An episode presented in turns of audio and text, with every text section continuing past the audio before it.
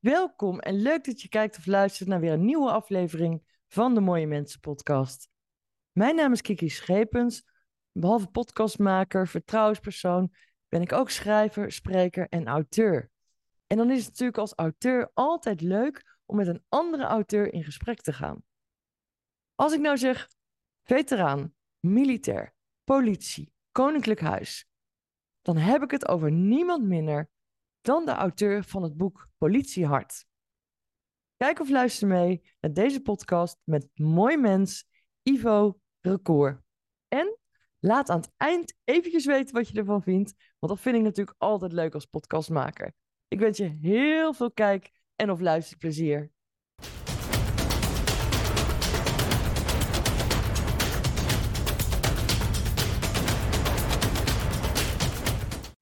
Welkom bij de Mooie Mensen podcast, Ivo Recour.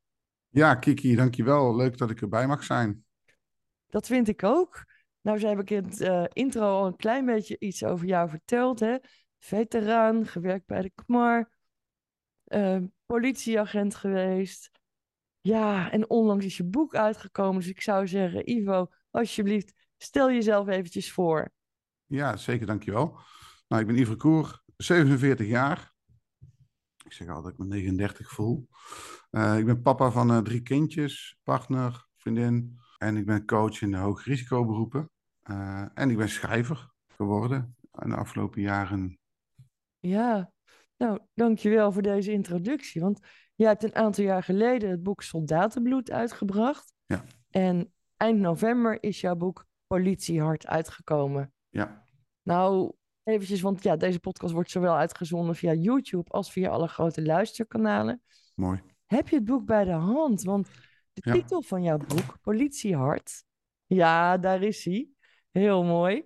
Ligt altijd en... binnen aan het bereik. Ja, nou heel ja. goed. maar, maar ook voor de luisteraars vooral, want het eind van de titel, ja, het eindigt op een T, maar het lijkt alsof daar een D in verweven zit. Ja, nou... Um... eens uit.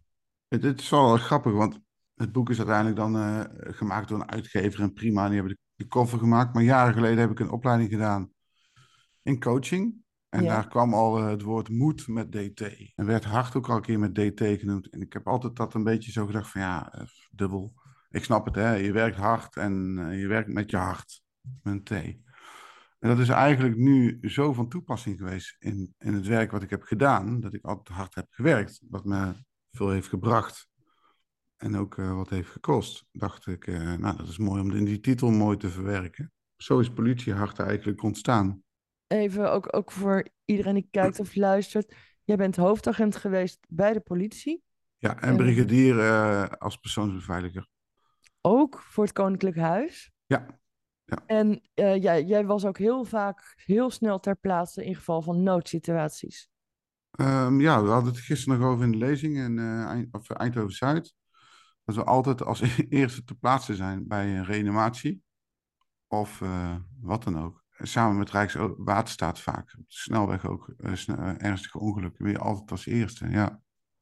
Ik kan me zo voorstellen dat je hele heftige dingen hebt meegemaakt, hebt gezien. Ja. Heel veel leed hebt gezien. Ja. Waar, waar gaat je boek eigenlijk over? En voor wie is jouw boek bedoeld? Dat is een goede vraag. Um, ik, ik, denk in eerste instantie toch voor de mensen die in de uniformberoepen werken, dus uh, hulpverleners. En ik merk nou uh, gelukkig, en dat is mooi, dat ook mensen die interesse hebben in dit beroep hier na naartoe ehm, rijken, zeg maar. Dus ik krijg heel veel berichten van mensen die helemaal niks met uniformberoepen hebben. Het is eigenlijk een ode om aan de hoogrisicoberoep om het verhaal te vertellen van mij, wat voor heel veel mensen herkenbaar is. Mm-hmm. En, en, en, dat, er, uh, dat het eigenlijk niet altijd normaal is dat we altijd als eerste plaatsen zijn. En, en wat daar verkoping uit ontstaat, zeg maar, uiteindelijk. Mm-hmm. Kun je dat uh, wat verder uiteenzetten? Want dat vind ik wel heel interessant. Ja, ik ben uh, lang geleden begonnen bij Defensie. Ik was 18 jaar en alles was een avontuur. En ik weet nog dat er stond is bereid om voor zijn land op uitzending te gaan, missies, risico's lopen, et cetera. Nou, daar zet ik gewoon een handtekening onder, zonder bij ooit daarna te, bij na te denken. En verder in mijn carrière, vele keuringen. Elke keer zet je eigenlijk diezelfde handtekening ergens onder van nou, eh, avontuur. Eh, mooie dingen doen. Het, het hoort erbij. En eh, nu merk ik op dat als ik dit boek heb geschreven, dat het eigenlijk eh, niet altijd heel erg vanzelfsprekend is geweest. En ik kan je wel een voorbeeld geven daarvan. Dat ik dacht op een gegeven moment zelfs zo, dit moet ik gewoon doen. Dus ook al voel ik mij slecht, je gaat gewoon opstaan, het is zeven uur, hup, naar je werk toe, op de fiets. En uh, doe je uniform aan. En als ik dat dan aandeed, dat, dat was de maskerade van mijn, uh, van mijn persoonlijkheid aan het worden. Mhm. Begon ik gewoon weer uh, mijn ding te doen. Wat dan uiteindelijk bij de politie geëindigd is. Ja, als ik het zo samen mag vatten. Duty calls, uniform aan. Mm En gaan omdat je een eet hebt afgelegd. Omdat je getekend hebt daarvoor. Ja, ja, ik schrijf het ook ergens. Hè. Ik diende de straat, de staat. En laten we wel vooropstellen dat ik nog steeds vind dat de discussie over nu dienstplicht en uh, misschien moet er ook wel een dienstplicht voor uh, vrijwillige politie, ik zeg maar wat. Mm -hmm. Want we roepen van uh, we willen vrede en we willen geen oorlog meer. Maar de grote boze mensenwereld op dit moment, die is er nog helemaal niet klaar voor. Nee. Dus we zullen toch ergens ook somewhere in meeting each other in the middle maar dat je wel uh, blijvend mensen daarvoor moet hebben, zeg maar. Maar de manier waarop, en dat is dan even teruggaan naar mijn boek, naar de vraag van, hè, zet dat eens uiteen. Ik, ik denk dat ik gewoon te lang te ver ben doorgegaan. Mm -hmm. dat, dat, dat spat wel uit het boek, zeg maar. En, en hoe uitte zich dat, Ivo? Hoe ben je daartoe gekomen, tot dat inzicht? Er is, komt een punt dat je, dat je niet meer kan kiezen, dat, het, dat je moet kiezen. Nou, dat is weer die DT. Mm -hmm. Je moet een keer, dan is het emmertje zo vol. En, dan... en ik heb toen gebeld naar het uh, Veteraneninstituut of de 24-7 politie. Mm -hmm. uh, ik zat gewoon zo vast. Het was gewoon uh, up or out voor mezelf. En ik koos om, om hulp te gaan inschakelen. Want je zo in die bubbel zit van je eigen overtuigingen en patronen. En dat inzicht kwam pas jaren later, omdat je eerst in de hulp gaat en je gaat eerst praten, je gaat eerst in ontkenning en vermijding en al die dingen bij elkaar genomen. En ik ging schrijven, ik ging sporten, ik ging mediteren. Dus ik ben eigenlijk heel, nou ik zeg niet dat ik nou heel erg gegrond ben, alleen ik ben wel vaker gegrond dan uh, vroeger, zeg maar. Mm. Nou, ik kan me dat ook wel voorstellen. Kijk, wat je al aangeeft, hè, de hoog, hoog risicoberoepen. Ja. Uh, politieorganisatie, ja, er is gelukkig al heel veel verbeterd ten opzichte van vroeger. 100%. Um, maar toch heel veel mensen die, ja, ik, ik, nou, ik, ik kan me er een voorstelling van maken, maar ik denk pas dat je echt weet hoe het is als je op de werkvloer bent. Ja. De gruwelijke dingen die je ziet, ja, het is bijna onmenselijk. Um, ja, kijk, wat ik wel probeer te doen, is dat ik die scheiding tussen de, het onmenselijke en, uh, en het tussenin nog iets wil zijn of zoeken. Omdat Mhm. uh, als ik daar sta, ik werk helemaal niet meer bij de politie, maar ik praat alsof ik er weer ben. Mhm. En toen werd daar een incident besproken en daarna had ik ook een voorbeeld en dacht van, wow, wij pra- wij praten er wel heel makkelijk over. Ja. En dat is dan onmenselijk voor de buitenwereld, maar het is ook menselijk dat iemand dood gaat of dood is gegaan. Mhm. Dus ik probeer er wel een uh, scheiding in te maken. Alleen, even voor duidelijk, ik heb meer last van de moral injury later gekregen dan van de PTSS. Mhm. En dat is ook nog in onderzoek bij mij, Mhm. omdat ik vind dat, uh, dat ik daar recht op heb. Uh, ik heb meer last van de moral injury. Ik had zelfs last van als ik op missie was, dat ik thuis huis en haag had achtergelaten. En dat ik het slecht deed voor thuis, terwijl ik daar op missie was, bijvoorbeeld. Ja, ja. En dat speelde ook bij mij uh, mee. En ook even, Ivo, voor de kijkers en luisteraars. Uh, PTSS, posttraumatisch stressstoornis. Ja. Ja. ja. ja. Nou, wat, ja, wat goed dat je zeg maar die ommekeer hebt gemaakt. En hoe zijn de reacties op lezingen die jij geeft? En waar geef je uh, lezingen? Meer bij overheidsinstellingen, omdat mm -hmm. daar uh, natuurlijk de eerste interesse was. En ik denk in de toekomst dat dat nog wel uitgebreid gaat worden. Omdat ik uh, ook zelf al heel veel ontwikkeld heb in mijn docentschap en voordracht. En uh, ik doe dit al zo lang, voel ik me ook wel wat zelf verzeker, verzekerde steeds meer over het praten over de trauma. Want het gaat uiteindelijk, zeg ik gewoon, zelfs op televisie recent, uh, voor uh, 500.000 mensen, kijkers, dat, ik, dat, ik, uh, dat het niet goed met me ging. Mhm. En de reactie daarop is eigenlijk vaak van, dan zie je eigenlijk een soort van, hmm, moet eigenlijk een soort van ijs gebroken worden.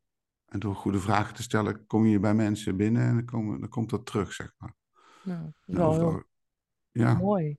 Ja, zeker. Ja. En dat is ook de gesprekken die daarna dan plaatsvinden als het klaar is. Dankjewel en fijn, dat moet vaker gedaan worden. Percentage, denk ik, is, laten we zeggen, stel 50 mensen, dat daar uh, van uh, zeker 5, 6 mensen altijd wel, dat het daar binnenkomt, zeg maar. Dat is nog, Ja, dat is nog, dat is nog klein hoor.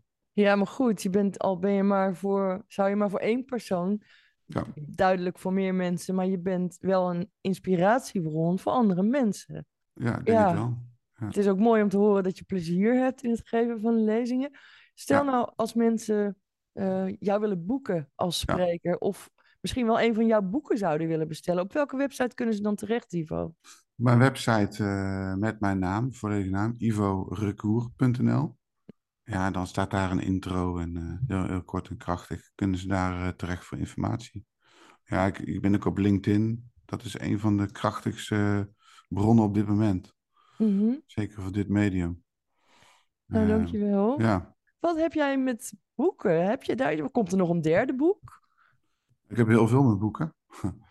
oh, echt? Dus ik- ja, ik, ik, ik had laatst ook met iemand, zei zo, die vond, wat, voor, wat, voor, boeken lees je? Ik zei, nou, eh, Paulo uh, Coelho, eh, Alan Watts, Do en Freud, alles ligt hier zeg maar door elkaar.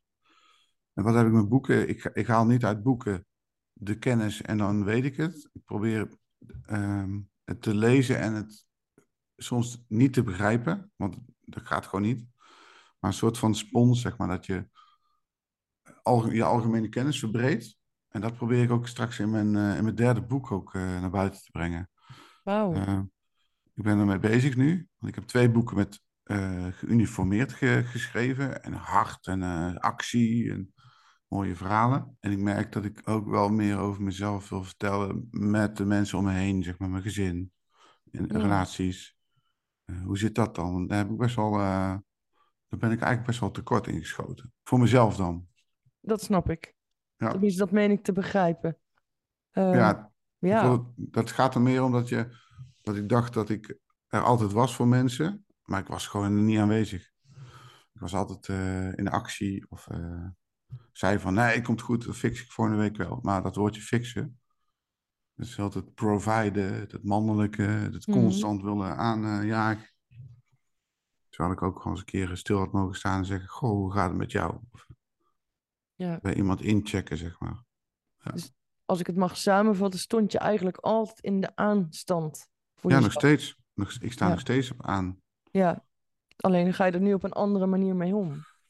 Ja, ik moet wel altijd zeggen dat ik het altijd eh, mooi kan vertellen. Eh, en dat ik ook zo ben zoals ik vertel. Alleen in de praktijk probeer je natuurlijk altijd wel eh, je best te doen. Dus het lukt niet altijd. Nee. Aan de andere kant, je bent ook een mens. ja, ja, zeker Ja, weten. en we zijn hier ook om te leren volgens Ja. mij op deze aarde. Ja, Ja. ja, zeker. In dit leven En- zeker, ja.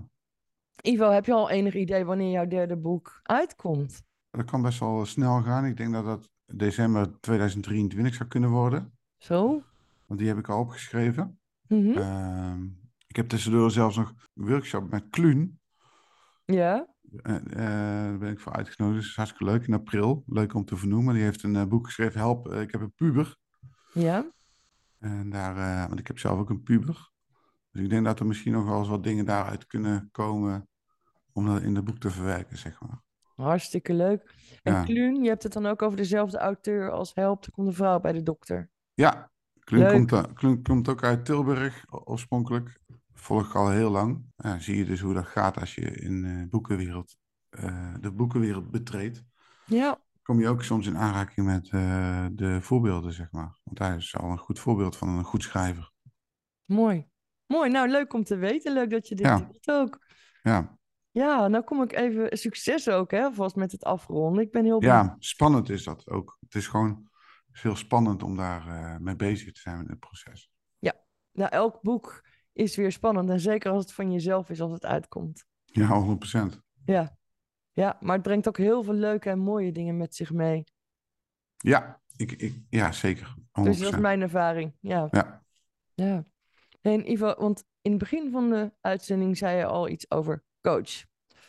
Nou, Ja. heb ik heel vaak gehoord over NLP, neurolinguistisch programmeren. Ja, HNLP. En, en misschien is het goed om te weten dat ik, ik vind niet één stroming het beste. Kijk, Tony Robbins is een voorbeeld van alle stromingen bij elkaar. Alleen hij is ontstaan uit NLP. En NLP is een, eh, toch wel in de wereld, eh, of je bent voor of je bent tegen. Want neuro-linguistic programming, hoe, dat is allemaal eh, trucjes. Ja, er zitten heel veel trucjes bij, maar HNLP zit eigenlijk op het taalgedeelte, het humanistische. En neuro, neuro eh, blijft, dus wij zitten altijd in, eh, in patronen, altijd in overtuigingen, programmeringen, metaprogramma's. We draaien allemaal een programma. Mhm. En je kan iemand niet veranderen, maar wel in gesprek gaan en begrijpen, zeg maar, de psychologie van de mens. Mhm. Dat, dat is eigenlijk korte uitleg van het HNLP-gedeelte. En er zitten natuurlijk heel veel dingen aan vast. Ik doe ook, ik kan met mensen teruggaan in de tijd en een tijdlijn uitzetten, goede doelen stellen, heel concreet. Oh, mooi. En, en, en coaching is, is niks anders als vragen stellen en er gewoon zijn. In plaats van, ik ben coach en ik heb eh, heel veel ervaring. En als je naar mij luistert, dan komt het goed. Nee, dat, dat, dat kan wel. Iemand kan, ik krijg ook mensen die, hey, jij hebt ervaring, dus ik kom het bij jou halen. Prima. Maar die HNLP heeft mij wel, eh, wel gebracht bij de, de kracht van woorden, zeg maar. Hele simpele dingen. Wat is nou je kernwaarde? En hoe kom je daar nou? En dan hebben we een soort rijtje en dat komt al, het werkt altijd. En dan denkt iemand van, wow. En dan zegt nou, eh, kun je, jij hebt die antwoorden gegeven, ik niet. Mhm. En dat is gewoon super interessant. Nou en of. Het is geen trucje of geen, eh geen goocheltrucje wat je doet. Coach Nee. is een, eh, een heel belangrijke tool om eh, mensen ergens te brengen, zeg maar. Ja, waarbij ik heel graag ook op wil merken dat jij wel erkend coach bent, toch? Ja, ik ben erkend coach, ja. Ja. Nou, is niks al- ten nadele van de mensen die dat niet zijn, maar Ik, ik zal niemand eh, zeggen dat hij het dat niet is. Ik heb zelf, kom zelf uit de sportwereld. Zelf lang een sportschool gehad. En dan kwamen mensen bij mij solliciteren. En die schreven gewoon op personal trainer. Zei, oh, wat heb je dan eh, voor eh, opleiding gedaan? Ik zeg, maar Mhm. heb je ook een fitnessopleiding gedaan? Jawel, intern. En als je dan kijkt hoe mensen dan les gaven. Nou, dan- dan- ik kon dan kiezen om die mensen zelf verder op te leiden. Alleen ik zei, nee, je gaat eerst op opleiding, eerst een cursus doen. Om Ja. de basis te krijgen. Ik denk dat het gewoon heel belangrijk is. Want je, je moet niet vergeten dat ehm, als iemand komt bij mij of bij een andere coach die zegt: Ik ben burn-out coach. En je weet helemaal niet eens wat een burn-out is. Of eh, als je zegt tegen diegene: Weet je wat jij moet doen? Hardlopen. Dat is goed voor je. Ja, Mhm. dat, dus dat, dat, is, dat kan. Maar wat doet het dan met die persoon? De fysiologie, de psychologie van die mens. Hé, hey, deze moet ik doorverwijzen. Of eh wow, dit, dit, er zit geen klik in. Dus eh, sorry, we gaan het niet doen. Dat is professioneel. Maar dat leer jij in de opleiding. ja, dat ben ik helemaal met je eens. En dan nog denk ik dat je niet zonder empathisch vermogen kunt. Wil Nee, je dat- er echt kunnen zijn voor andere mensen? Nee. Dat laatste, het dat heb ik al vroeg ontdekt in het leger ook. En dan werd ik vaak als, eh, ja, niet allemaal zulke moeilijke, moeilijke vragen stellen. Kom op, Ivo. We gaan, eh, en dan wilde ik eigenlijk doorpraten. Maar dan kapten mensen dat af. Mhm. Empathisch, ik denk dat het heel belangrijk is. Dat je voelt, als je met iemand die klik hebt, zeg maar. Of dat je in gesprek bent. En dat je echt luistert. Het is wel moeilijk hoor. Jawel. Maar ik denk ook wat je net zei over het doorvragen. klinkt voor mij heel logisch als ik zo naar jou kijk en naar jou luister, voor jou als Mhm. persoon. Ja, Hè, want daarnet gaf je ook aan, ik heb een enorme interesse in boeken om dingen als een spons in me op te nemen. ja. Ja, dan Het gaat veel je verder. Het gaat veel verder. Ja, Eerst zei ik, nee, ik doe alleen maar mensen die ik eh, interessant vind. Of, eh, maar nu maar, denk ik dat iedereen wel eh, bij mij welkom is. Eh, Ja. Want we hebben allemaal iets spiritueels. We hebben allemaal een bepaald geloof. We hebben allemaal, we komen ergens vandaan, zeg maar. Dus die hokjes denken, dat, dat wordt steeds minder. En bij wat voor soort dingen begeleid jij mensen als coach? Ehm, dat is wel grappig, want ik begon natuurlijk als eh, coach in stressmanagement en communicatie. Dat was Ja. heel breed, maar er zat er al een beetje de stress in. Als ik heel eerlijk ben, coach ik het liefst mannen tussen de 40 en 55 Omdat? omdat ik daar een eh, snellere verbinding mee heb. En ik denk dat ik de man ben die andere mannen kan eh, in, laten indalen. Nou, dat is Ja. eerlijk zat. Ja, dat is heel, en dat moet ook. Want anders ga je zeggen, ja, maar ik kan ook... eh, omdat mannen van tussen 40 en 55 zitten in een bepaalde... Of die zitten op een bepaalde groei. En dan stagneert dat. En zit het ego in de weg. En die zit dan en mijn gezin en mijn werk. En die vast zijn gelopen binnen hoog risicoberoepen, dan wel eh, in management of waar dan ook. Die eh, het zoeken om, eh, en die ook capabel zijn, 75% van hun kunnen, capabel zijn om naar een next level te kunnen gaan. Om, om, en bereid zijn om te willen groeien. Ja, of niet. Hè? Want Nee, want die, dan Ja. twee keer nee is nee bij mij. Ja, Nee, dan is het gewoon, eh, oké, doei. en dat vind ik wel interessant wat jij zegt. Hè? Die mannen die in een bepaalde fase van hun leven zijn. Ja. Ehm, heeft dat dan vaak ook te maken met een midlife crisis? Want dan verandert er ook in de hersenen het een en ander. Bij mannen. Ik, ik, ik rij al heel lang motor. En ik had mijn motor al ver voor mijn veertigste.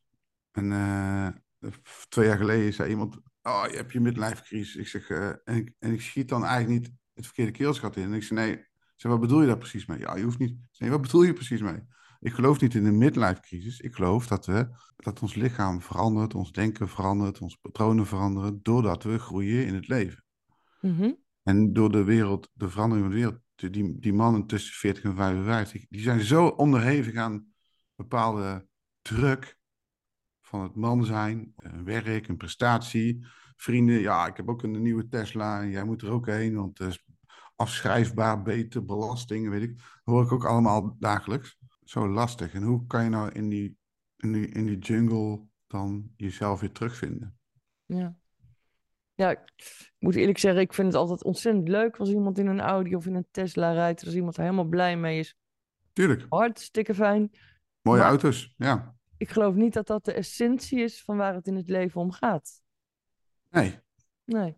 Dat, eh, dat, dat, dat is misschien dan ook nog meer de reden dat ik zeg van, eh, kom maar bij mij dan. Dan mag je nog steeds in die Audi rijden. Alleen dan rij je die Audi omdat die eh, mooi is. En dat is niet een verlengstuk van je ego. Nee. Even een voorbeeld. Er zijn ook heel veel mensen die rijden een Audi of een BMW niet als verlengstukken, hè? Dus niet die, die hebben gewoon een vette auto en die rijden gewoon eh, af en toe iets harder. Prima. Eh, ik heb Ja, ik- zelf geen, ge- geen Audi. Ik heb een eh, Volvo XC60 Family Car. nou, hartstikke leuk. Maar dus, eh, die rijdt ook wel eh, door. Alleen dan zie ik dat heel vaak zelf ook en dan lach ik wel. En dan zit ik in de auto en dan zie je toch mensen manoeuvreren. Mannen langs. En ja, geweldig. Het is een voorspelbaar gedrag. Ja, nou, ik heb me wel eens aan iemand gevraagd, want die vertelde. Ja, het- ik vond het een beetje. Ja, zo'n type op een verjaardag. Die altijd het hoogste woord heeft. Mhm. En ik rij in een Audi. En, eh, nou, hartstikke fijn. En ik zeg, joh, is dat jouw Audi of is het een leasebak? Ja, Zo, nou, die gaf me een blik, die kon me wel doden. dus ik denk dan van, nou ja, wel een hè? Ja, ja, maar ik dacht bij mezelf van, van ja, weet je, het, het maakt mij niet uit in wat voor auto iemand rijdt, maar ik, nogmaals, ik vind het leuk voor iemand, maar terugkomend op die ego's, nou ja, voor, in mijn beleving was dat dus echt zo'n ego, dat ik dacht van, die heeft me ook echt heel de avond niet meer aangekeken, hè? Prima, ook, In iedere, iedere dingen. Maar, daar- maar zal ik, jou, ik, ik wil er wel iets over teruggeven. Ja. Ehm, want het is wel grappig. Ik ben het met je eens namelijk dat die, dat die mannen er zijn. Dan denk ik ook van... Weet je wel? Ik heb wel eens heel lang geleden, zat ik in het leger en ik was gewoon eh, zelfverzekerd of zo. En dan merkte ik op dat eh, op een feestje, heel lang geleden hoor, dat zo'n dat zo'n meid dan eh, het interessanter vindt om met mij te kletsen dan met mijn eigen vent. Want die was allemaal aan het... eh. En ik zei ook tegen haar van, ja, hij kan ook niks doen of zo. Dat echt zo'n opmerking. En later was het natuurlijk, oh, hij zit met mijn meisje te praten. Mhm, Aan de andere kant is het ook zo dat mensen het ook soms gewoon leuk vinden om met mensen te praten. ja, En om, bij wijze van spreken, te vertellen over hun leven. Hè? Het ligt maar net aan welke setting. Als het bij vreemden is, eerste keer, en je begint daar gelijk al. Oh, ja, maar dat is wel interessant om zeg maar neutraal soms in te, in te, in te gaan, zeg maar. Dus je, we hebben allemaal de juiste intentie. Mhm. ook, al, ook al zeg je iets stoms, dan kan je nog de juiste intentie hebben.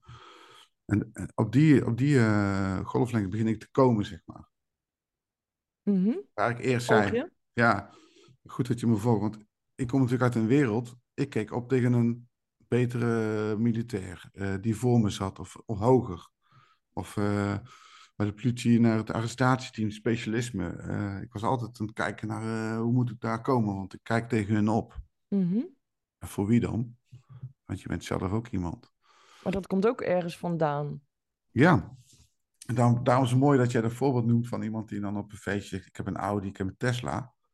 Ehm, in mijn koor heb ik ook zoiets van: eh hey, donder lekker op met je, met je auto. Pra- praat even over eh, leuke dingen. Of eh, leuk, nou ja, hij staat er. Hoe is het met jou? Dat is, Dat. dat is, veel- dat is gewoon dus de diepgang. Ik denk dat mensen, en dat is die 40-55 eh, categorie bij mij, die missen soms de diepgang, omdat ze niet meer weten wat ze anders moeten vertellen. Dan vertellen ze maar over hun auto. Ja. Of over eh, de, ja, ik doe padellen, eh, tennis eh, padellen. En dat is hartstikke leuk. En dan hoor ik soms ook die priet praten. En dan denk ik van, ah, ja, soms Ja. gaat het gewoon over niks. Nee, en dat is ook vaak ja, de dingen van, oh, en ben je nog op vakantie geweest? En ben je nog uit eten? Of, of heb je nog wat leuks gedaan? En dat is natuurlijk soms ook vanuit interesse, maar vaak is de vraag ook omdat de ander wil vertellen hoe het met de ander gaat. komt vaak uit, uit diegene zelf. De Ja. onzekerheid. De, dat heb ik gemerkt met trauma ook bij mezelf. Doordat je trauma eh, hebt, ga je andere coping ontwikkelen. En ga je dit soort dingen doen, zeg maar. Ja. Ik zie wel eens van die filmpjes op Instagram echt geweldig. Amerika is echt sterk in. Goede coaches online. When a man says he's okay, he's not okay. Dus als iemand, als een man zegt ik ben oké, ik ben niet oké. Dat, dat, en dan ga met hem in gesprek, stel een vraag. Hoe gaat het echt met je? Of, eh, wat kan ik voor je doen? En dat, dat is heel erg interessant. Zeker. En juist ook, ik weet niet of je die kent, Thomas A. Harris heeft een boek ooit geschreven, Ik ben oké, jij bent oké. Ja. Dat, Ja. dat vind ik altijd een heel mooi uitgangspunt. Ja, ik vind dat is een heel mooi uitgangspunt. Ja, zeker. Ja. Ik Maar moest dan- even denken eh, welke schrijver het was, maar dan eh, ja, zitten we op dezelfde golflengte. Ja, gaaf. Dat is mooi. Ja, Ja, en ja, het lijkt mij toch ook wel even wennen. Hè? Zoveel jaar bij de politie gezeten. Mhm. Ehm, actie, actie, actie, hoop leed. Ja, en dan nu de coaching in, Ivo. ja. Dat, is wel, dat is wel spannend. Hoe bevalt het? Goed. Omdat ik, eh, als ik even terug, een stapje terug door de, door de trauma de jaren heen, heb ik gemerkt dat ik niet meer volledige weken kan en mag werken. Dus dat gaat echt eh, eh, op die manier. Alleen nu die roeping komt van coaching, is dat wel heel, heel fijn. Mhm. Nu kun je zeg maar ook echt iets betekenen. En de toegevoegde waarde zijn voor die ander. Ja. Ja, Ja, als ik het in mag schatten. Kijk, je hebt voorheen ook in je carrière of loopbaan, moet ik eigenlijk zeggen, ook Ja. al heel veel betekend voor mensen. Ja, ik ben altijd heel bescheiden geweest daarin. Dus ik heb daar, eh, dan dan zeg jij dat nu en dan is eigenlijk mijn eerste reactie, ja, eh. maar dat klopt wel, ja. Nou ja, ja, ik denk, ik, ik, denk, weet het zeker. Alleen Ja. je geeft nu op een andere manier betekenisvolle inhoud aan je leven. En Ja, zeker ja. na dat trauma en PTSS en whatever. Nou, niet whatever, maar dat is gewoon mooi. Dat is gewoon mooi. ja, zeker. Ja. En eh, volg je momenteel nog bijscholingscursussen? Want ik kan me ook zo voorstellen dat je je moet blijven bijscholen voor je accreditatie. Bijscholing en dat doe ik nu dus wel. Ik heb nou eh, iets online eh, wat ik volg. Ik wil niet per se nou een naam noemen, want dan, ga ik, dan zet ik een stelling. Dus ik, Hoeft niet. nee, maar ik doe nou online. Dus heel veel videocursussen, heel veel schrijven, heel veel bedenken. Dingen die je... Oh, oh ja, shit. Dat eh, had ik eh, zo willen doen. Mhm. Dus die bijscholing is wel belangrijk. En eh, heel veel, heel veel vlieguren maken, hè? Vlieguren, kilometers, mijlen. Ja, Ja? dus heel veel. Ook mijn taal is compleet veranderd, ook op social media. In welk opzicht? Ja, positief natuurlijk. Ik was eerst best wel sarcastisch. Oh ja? Ja, ik kan heel sarcastisch zijn. Ik, ik vind namelijk iets van hoe een land be- bestuurd wordt. Mhm. Eh, eh, ik volg zoveel dat ik gewoon doorzie dat er gewoon eh, heel veel spelletjes. en, eh, ja, als jullie dat doen, dan doen wij dit. En dan heel dat, dat. En ik heb natuurlijk een tijdje daar rondgelopen in Den Haag. Mhm. Dus iets van meegekregen. En dan vond ik het wel leuk om eh, ja, daar een beetje sarcastisch eh, mee te uiten, zeg maar. Maar ja, dat, is- dat, dat is niet meer nodig. Dat, dat, dat dient geen doel. Dus dan kan ik het beter omzetten naar eh, een andere energie. Ja. Omdat ik ook gewoon mens ben, vind ik het ook wel leuk om af en toe even te zeiken. op, ja, eh, goed. op dingen die, eh, die mij raken, zeg maar. Want we leven echt in een. eh, het is een gegeven dat we in een transitie zitten in de wereld. Punt. Dat ben ik met je helemaal met je eens. Een hele grote Ja. transitie, Ja. waar ook onze politiek leiders geen enkel weet van hebben wat nou precies welke kant we op gaan. Er is een groot doel. Ja, Omdat in de wereld moet het geld, financiën, dus er zijn zoveel eh, poten. Dus we moeten wel eh, realiseren dat binnen anderhalf jaar of twee jaar dat, we, dat de wereld er anders uitziet. eh, ik, zeker. Maar ik mag toch ook wel hopen dat er dan vrede is. Hè? Want ja, onlangs hoor je dan weer dat er zoveel tanks naar Oekraïne worden gestuurd. Ja, dat is eigenlijk maf. Hè? Dus dan gaan we aan de ene Ja. kant, eh, wij zijn niet in de oorlog. En dat is precies wat ik bedoelde, wat ik vroeger had. En nu kan ik er rustig. We zitten aan de ene kant zijn we, en dan bekijk ik het even vanuit de, de menselijke, humanistische kant. We zijn eh, bezig met onderhandelingen en we moeten humaan. En, maar we zijn allemaal oorlog aan het voeren. We zijn allemaal geld aan het investeren in, in wapens in Oekraïne. Want Oekraïne heeft gezegd, die hebben we nodig. Want anders eh, loopt Rusland over ons heen. Mhm. Ja, ik volg een, een aantal mensen nu op LinkedIn en ook op social media. Laat ze maar gewoon overlopen. Verdeel het land en zijn we er vanaf. Alleen dat is te makkelijk voor de politiek. Daar gaan we de ego's en de trots. En de... Het is bizar. Het is bizar. Ja, En dat indirect. Indirect heeft eh, de mens, de man en de vrouwen, alle kinderen, iedereen heeft daarmee te maken. En, en voelt het eh, in een portemonnee, in de maatschappij. Ja. En, ja, Ja, om nog maar niet te spreken van de vele oorlogsslachtoffers die ook weer trauma's oplopen. en Ja, dat, dat, dat, dat cirkeltje lijkt wel of ze dat in stand willen houden Ja, op een of andere manier. Eh, zonder dat ik nou even corona-stelling neem, eh, vond ik wel iets. Hoeft nou, maar ik, ik vond wel iets van eh, de communicatie. En dan nu, eh poef, is dat weer helemaal normaal. Mhm. Ik had gisteren iemand eh, daar te snotteren en te, en, te, en te kuchen. Nou, dat was twee jaar geleden, was dat gewoon, eh, hey, volgens mij moet je echt, hè? Ja. Weg, weg hier, want hoe? Ja, Dus, maar ook, eh, ehm, ik geloof wel dat angst je slechtste drijfveer is. Maar ja, kan, ja. Ook het terugkomen wat jij net zei. Ik geloof zelf dat, dat waarom sturen we niet aan op vrede? Ja, als, je, als je eens. dan hoort dat er nog allemaal tanks gerepareerd moeten worden en over enkele maanden, dan denk ik over enkele maanden, dan is dus het beleid ten aanzien van de oorlog al uitgestippeld. Ook eh, de onwaarheden die verteld worden voor mensen zoals ik. Er werd gezegd dat de tank die ze gaan sturen vele malen beter is als de Russische tanks. Nou, de, de, de Russen hebben tegenwoordig maar ook moderne tanks. Ja, de, wel op hun eh, manier hun eh, moderne tanks. Maar we gaan oude rommel terugsturen die gereviseerd moet worden. Moeten ze opleiding krijgen. Zo, wat zijn we aan het doen, joh? Dat is toch een meerjarenplan? Ja, precies. Ja, dat. Zou Poetin niet bereid zijn om gewoon eh, te zeggen: Oké, dat stuk is van mij, dat is van jullie, en hand erop en we gaan een verdrag sluiten? Ja, Hoe, hoe kan er nou dat zijn dat er dan doordrukken zijn? En Ja. dat gaat heel ver. En dan heb je nog aan de andere kant een stukje veiligheid in Nederland. Wij hebben ook gewoon normaal gesproken veiligheidsbeleid in Nederland. Dat is er gewoon. En nou eh, gooit de politiek het erop dat, eh, ja, want er is een oorlog in eh, het oosten. daardoor is onze veiligheid in gevaar. Het is, ook, is gewoon kul. Ja. Dat, is, dat is echt kul. ja, ik heb daar ook zo mijn eigen visie over.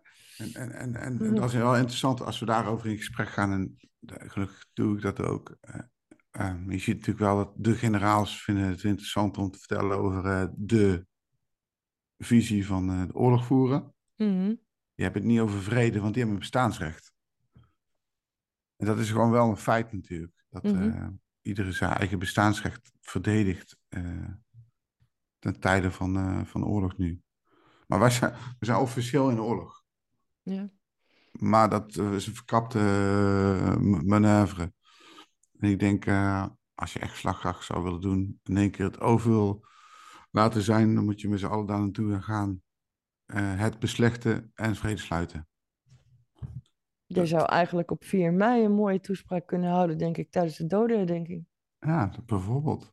Ja, Dus ik zei, die transitie is gewoon, eh, de polarisatie is, is, is enorm.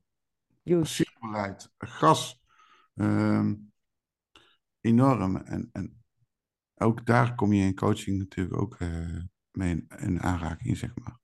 Zeker weten. Met En, mensen die daarin in vastlopen. Of, eh, ja. ja, en ook wat jij zei, hè, er wordt gezegd.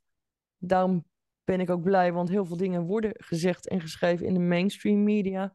ja, Daarom vind ik het ook zelf altijd interessant om de niet-mainstream media te bekijken of te, te lezen. ja, ja. Maar ook podcasts als deze, ook al is deze podcast nog groeiende, Mhm. waarin ook eens de andere kant een beetje belicht wordt. Ik zeg een beetje, Mhm. hè, want ik weet ook lang niet alles, ik ben ook geen alwetende, maar dat vind ik juist ook zo mooi. Ja, ik had gisteren had ik ergens, ergens heb ik gepost van het lijkt wel of eh, eh, de politiek denkt dat we allemaal kleuters zijn. Want alle waarheden worden steeds minder waar. Ja. Het is gewoon een feit dat eh, er gewoon keihard gelogen wordt om eh zieltjes te winnen voor een politieke partij. Dus dat vind ik al- heel erg. Ja, en dan eh, de, de goede onder de slechte. Er worden natuurlijk nou alle partijen die volgens die partijen niet, niet goed zijn, die worden eh, gebombardeerd tot, eh, tot en met. Eh, en dat, dat, we zijn echt voor mij het slechte voorbeeld van eh, violent communication. Is Ja. mooi boek, mooi boek trouwens, Non-Violent Communication. Non-violent communication. Wie is de auteur? Rosenberg. Rosenberg. Voor mij is het een Amerikaan, Amerikaanse psycholoog. Heel Psycholoog. interessant. Ja, Ja. dat is die, die violent communication. Dus als er in de politiek zegt, wij moeten, wij moet, dat is heel violent. Als ze zouden zeggen, nou het is niet normaal wat meneer Poetin doet. En eh, doordat hij dat doet, voelt de Oekraïnse bevolking zich onderdrukt. En het zou goed zijn als we samen, dat is een, eh, goede onderbouwing. Mhm. we zeggen gewoon, we gaan daar naartoe. Mhm. We gaan, eh, we gaan bommen geven. We- Ze lopen daar gewoon met onze uitrusting rond, hè. Ja, Wapens. die zien we nooit meer terug, hoor. nee, tuurlijk niet. Nee. En we denken als het Russische leger dat we inneemt of anders. En zo gaat het constant door. We hebben geen weet van wat dat is. Dat appt weer even weg binnenkort. Dan is er weer van ver van onze bedshow. Ja, En eh, ik kijk ook daar anders naar. Ik zag één ding nog over. En dan, ik reed laatst vanaf eh, Amsterdam naar huis. Ik moest Amsterdam zijn. Er reden twee eh, diplomatieke dikke auto's van Oekraïne voorbij. Ik denk, jullie zijn toch in oorlog? Wat doen jullie hier? Die rijden gewoon even op en neer. maar jij kijkt natuurlijk sowieso al met een hele andere blik, letterlijk. Ja, en omdat anders, je dat hè, Ja. vanuit je defensieopleiding hebt meegekregen. Ja, diplomatieke opleiding ook. Maar wat doen die mensen hier heen en weer Ja. met de auto? Hm, apart. Ja, dus snap je? Ja, Dat, ik snap dat, het. Dus, dus de nood is groot en eh, in, een, in een oorlog. Maar voor wie doen we het dan eigenlijk? Ja, Voor eh, de goede gemeente? Doen we het voor eh, Rusland of eh, Oekraïne? Doen we het voor Brussel? Doen we allemaal voor's en tegens? zeker. Maar ook, kijk, een oorlog gun je niemand. Nee. Hè, ik bedoel, het zou het mooiste zijn als, als geen enkele militair iets te doen heeft op oorlogsgebied. Dat vind ik hoor. Ja. Maar heel veel mensen hebben zich ook niet verdiept in de achtergronden van die oorlog. Nee, het herhaalt dat- zich. ik, ik stoor me daar wel eens aan. Dat ik denk van, joh, zo'n oorlog ontstaat niet voor niks. Het is actie op reactie en er zit een hele geschiedenis aan vooraf. Ja. Hoe, hoe zie jij dat? Ja, precies dat. Ik ben ook geïnteresseerd in geschiedenis. Dus dan uh, lees ik me ook wel weer in. Het Krim is natuurlijk heel interessant. Zeker. Daar is natuurlijk een heel, heel uh, pijnpunt voor Oekraïne en Rusland. Mm -hmm. Rusland heeft geannexeerd. Is dat, maar ze hebben al jarenlang daar oorlog, hè? In dat gedeelte. Ja. Griek, Griekenland en Turkije hebben al jarenlang om een eiland uh, ruzie. Ja. Uh, Syrië, Iran, Irak, uh, Afghanistan, uh, nou, notabene. Dus heel veel, dat soort landen is heel complex. En als je de, de achterliggende gedachte daarvan bekijkt, vaak gaat het over geloof. Of het, hoe noem je dat? Het tegengaan van het geloof. Dat is echt bizar. Ja. Al, al, al duizenden jaren. Zeker. En als je dan ook weer kijkt naar die aardbevingen van een aantal dagen geleden, hè, Syrië, Ja, Turkije, dat Ja. er gewoon eh, nou ja, duizenden mensen overleden zijn, Ja. dood zijn. Dat, dan denk ik, jongens, waar gaat het nou eigenlijk allemaal om? Ik, dat zou veel meer belangrijker moeten zijn, naar mijn mening, Ja, dan Ja, ik zei- wapens leveren en geld pompen in een bodemloze put. ja, ik zei tegen mijn eh, zoon gisteren auto van, eh, nou is de hele, nou is de hele media weer bezig met de aardbeving Mhm. in Turkije, Syrië. Eh, en nou is dat daar het speerpunt weer even weg. En dan morgen gaat het weer over de Ajax Feyenoord, ik zeg maar wat. Mhm. Mhm. De- maar de constante wisseling van, van, die, eh, van die onderwerpen, dat is, dat is ook een, nog eens een heel groot ding, Ja. vind ik. Ik ook. We kunnen het niet eens meer volgen af en toe. Nee, weet je wat ik nou zo leuk vind, Ivo? We zouden gaan praten over jouw boek en over Ja, je coaching. Dat hebben we ook gedaan. ja, En vervolgens loopt dit gesprek eigenlijk totaal anders dan we verwacht hadden. Maar dat is juist mooi van het in gesprek gaan met mensen. ja. Ik denk Ja. dat, dat, dat dat ook de, dan de achterliggende gedachte eh, van die persoon, eh, of achterliggende gedachte, dan kan je die andere, de persoon ook anders belichten, zeg maar. Ja, Want als ik het de hele tijd over mijn boek heb, dan lijkt het alsof het de, eh, alleen maar over het boek moet gaan. Maar in dit boek zitten zoveel essenties ver- verstopt voor, voor heel veel mensen, zeg maar.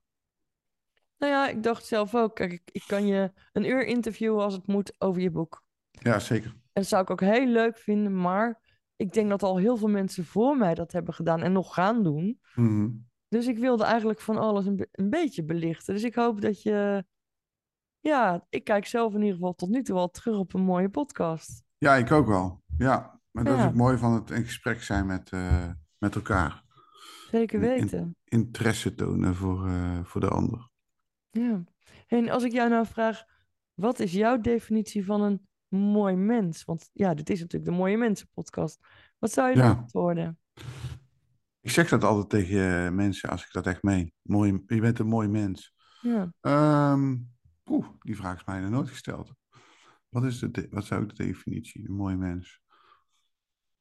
Ik zeg, als ik het zeg, zeg ik vanuit gevoel, dus vanuit mijn hart tegen iemand. En dan zal daar aan gekoppeld zijn dat die ander een mooie energie heeft, eh, iets moois betekent of met iets moois bezig is. Ik denk dat dat voor mij de definitie is van eh, een mooi mens. Dus Dankjewel. niet, niet alleen de buitenkant, maar ook de binnenkant. Dankjewel. Ja. Ja. En Ivo, heb jij nog tot slot een laatste boodschap voor mijn kijkers of luisteraars? Vanuit je politiehart. Ehm, ja, een aantal jaar geleden ben ik bij Michael Palacic geweest en iedereen kan zeggen wat, wat hij zegt van die man. Ik vind het een goede man. Ik heb hem ook een keer gesproken. Ehm, en hij zei, haal gewoon alles uit wat erin zit. En niet, je kan niet 365 dagen, oh, ik heb een mooi leven. Nee, dat gaat gepaard met de, de heartbeat. Dus, maar, maar doe gewoon je best in wat je wil doen. En word daar de beste in. En, en laat je door niemand vertellen dat het niet kan. Heel daar mooi. Gaat, daar gaat het om. Heel mooi. Ja, Ik zou je zeggen, dat is ook een van de uitgangspunten van deze podcast, dat ik graag mensen interview die naar mijn mening daadwerkelijk iets bijdragen aan de maatschappij. Ja. Daarom zit jij ook hier, maar ook hetgeen wat jij zegt. Zo draagt ieder op zijn eigen manier iets bij om de wereld een stukje mooier te maken. That's it. That's it. Nou, als we dat doen en ehm, ik wil nog één ding aan toevoegen. Ik denk, ehm, ook al ben ik 47, ik weet niet alles. Ik weet eigenlijk nog steeds, ik weet, weet steeds minder. Ehm, wat, ik, wat ik merk met mannen en vrouwen, jongere leeftijd. Ik denk, hey, neem eens grip over je eigen leven, joh. Ga eens Mhm. gewoon niet alleen maar acteren in, eh, in Snap, Instagram. Dat, dat dat de waarheid is, zeg maar. Maar neem een grip over je eigen leven. En eh, als je iemand tegenkomt, als ik of wie dan ook, die zegt van, eh, kom op, haal er gewoon uit wat je erin hebt zitten in het vat. En dan ga daarmee aan de slag. Dan Mhm. komt de rest vanzelf. Ja. Echt ervaren. En niet zo, niet zo afwachtend en zo. Gewoon bam. Gewoon echt een keer erin knallen. Mag gewoon. ja, en het is nooit te laat om die grip op je eigen leven terug te pakken. Nee, Nee, lees een keer een boek. Dat is ook een boek grip. Maar bijvoorbeeld, eh, maar dat, dat is juist de essentie, denk ik, van, eh, van met elkaar. Ja. Te willen groeien. Ja. samen. Samen, ja. Ivo Rekoor, ik wil je hartelijk bedanken voor jouw deelname en aanwezigheid in mijn Mooie Mensen podcast. Ja, ik zou zeggen, ik wens je alle goeds hè, met, Ja. met je boek, Politiehart, Ja. met de lezingen, met je praktijk. ja. En ja, laat me even weten als je derde boek daar is. We houden zeker contact. En eh Leuk. dankjewel. Leuk om hier eh, aanwezig te zijn. Vond ik ook. Ivo, het allerbeste, dankjewel. Oké, Oké, bye tot bye. ziens. Doei doei. Bye.